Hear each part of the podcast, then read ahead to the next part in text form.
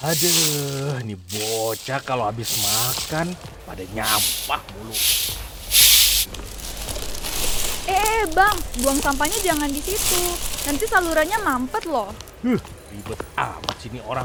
Timbang buang situ aja pada bawel. Bukan gitu bang, dengan kita tidak membuang limbah sembarangan, kita ikut berpartisipasi dalam gerakan green economy. Lah, emang apa sih green economy? Jadi Bang, green economy itu merupakan gagasan ekonomi yang tujuannya untuk meningkatkan kesejahteraan dan kesetaraan. Seperti yang disampaikan Wakil Ketua Badan Kerjasama Antar Parlemen DPR RI, Bapak Putu Supatma Rudana berikut ini nih. Pertumbuhan yang tinggi tidak akan ada gunanya jika lingkungan itu tidak terjaga. Karena justru kita membayar dengan mahal untuk mengembalikan menuju net zero. Oh, I paham kalau begitu. Kalau yang ijo-ijo sih, aneh paham.